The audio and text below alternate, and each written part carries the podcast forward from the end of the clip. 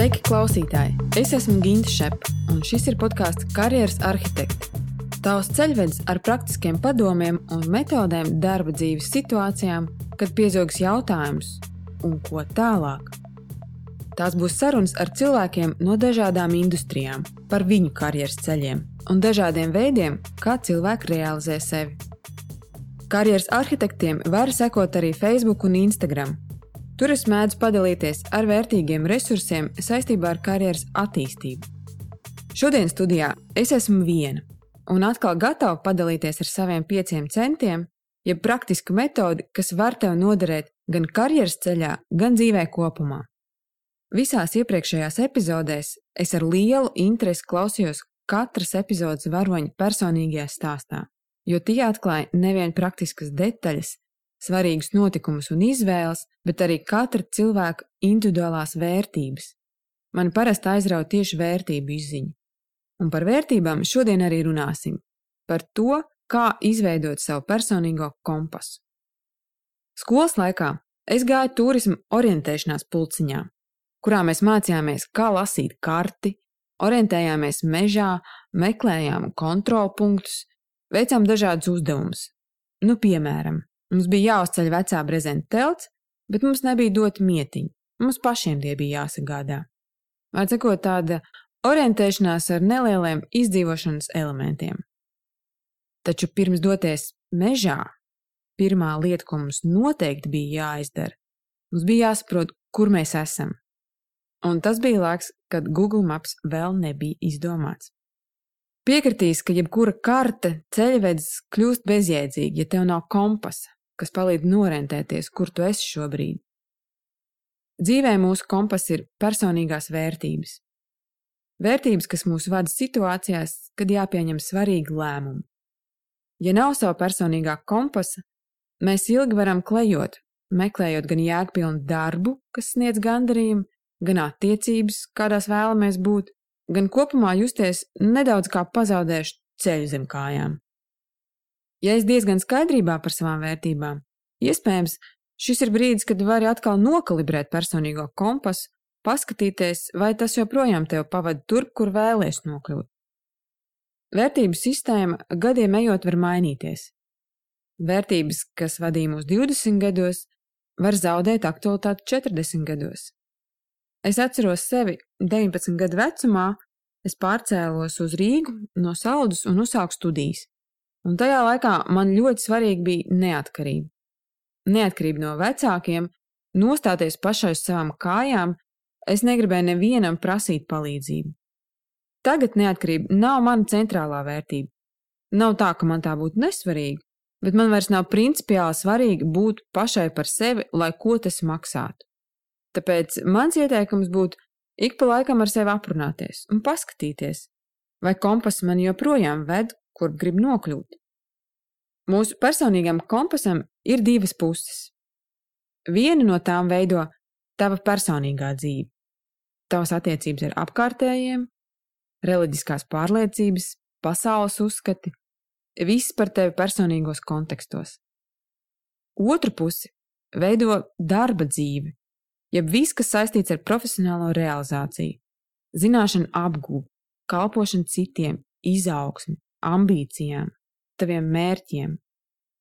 Un dzīves laikā mēs tiecamies uz saskaņu starp visām šīm jomām, mēģinot izveidot tādus kā savienojumus.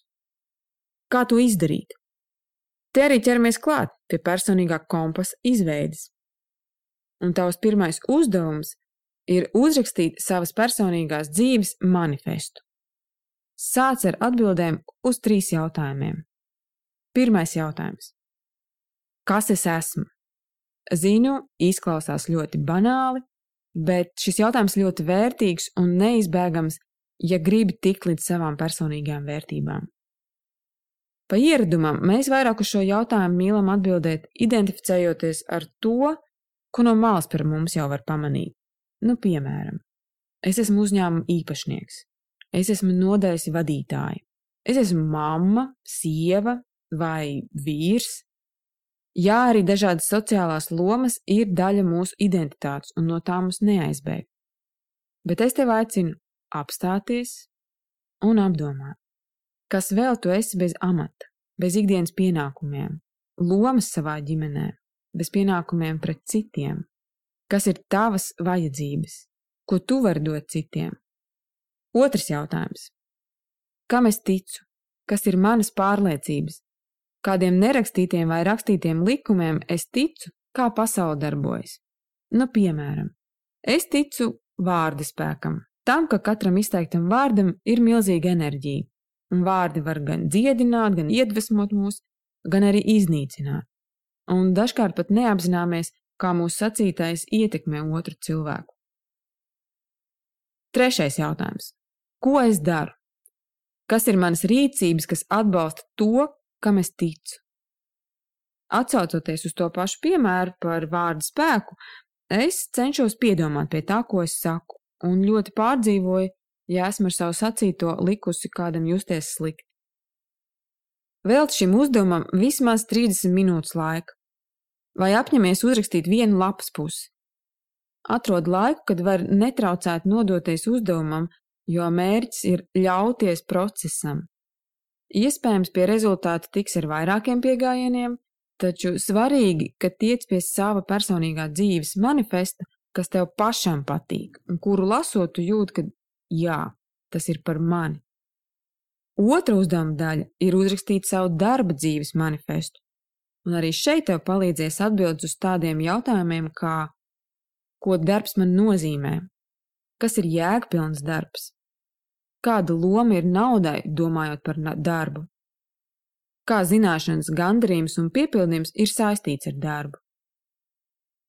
Ja es savā darba dzīves laikā mainīšu darba vietas, amatus vai profesijas, atgriezies atpakaļ un atceries, kādēļ nolēma mainīt kaut ko, kas bija patiesais iemesls tajā brīdī, kas tev pietrūka, vai tieši otrādi bija par daudz un intensīvu, un kas radīja diskomfortu, kas tev lika tā justies. Vai tas bija saistīts ar izaugsmas trūkumu, vai attiecībām komandā, vai uzņēmumu kultūru un vērtībām, kas konfliktēja ar tavām vērtībām? Vai tu neradi jēgu tajā, ko dari? Kad esi ticis gan pie savas personīgās dzīves, gan darba dzīves manifesta, apskaties, kā abas dzīves integrējas viena otrā. Kā tev personīgā un profesionālā dzīve papildina viena otru, vai kur tās konfliktē? Kādas vērtības tajās parādās? Jo akurātāk būs izveidojis savu personīgo kompasu, jo stabilāk jutīsies savā ceļā.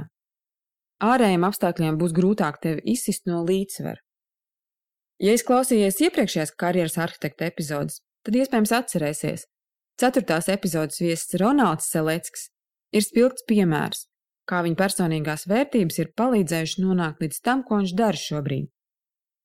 Ronaldam ļoti svarīga vērtība ir brīvība, un, lai to iegūtu, viņš bija gatavs atteikties no daudz kā no stabilitātes, no paredzamības, no droša amata, stabilā uzņēmumā. Bet šobrīd viņš ir savā īstajā vietā un jūtas pārliecināts.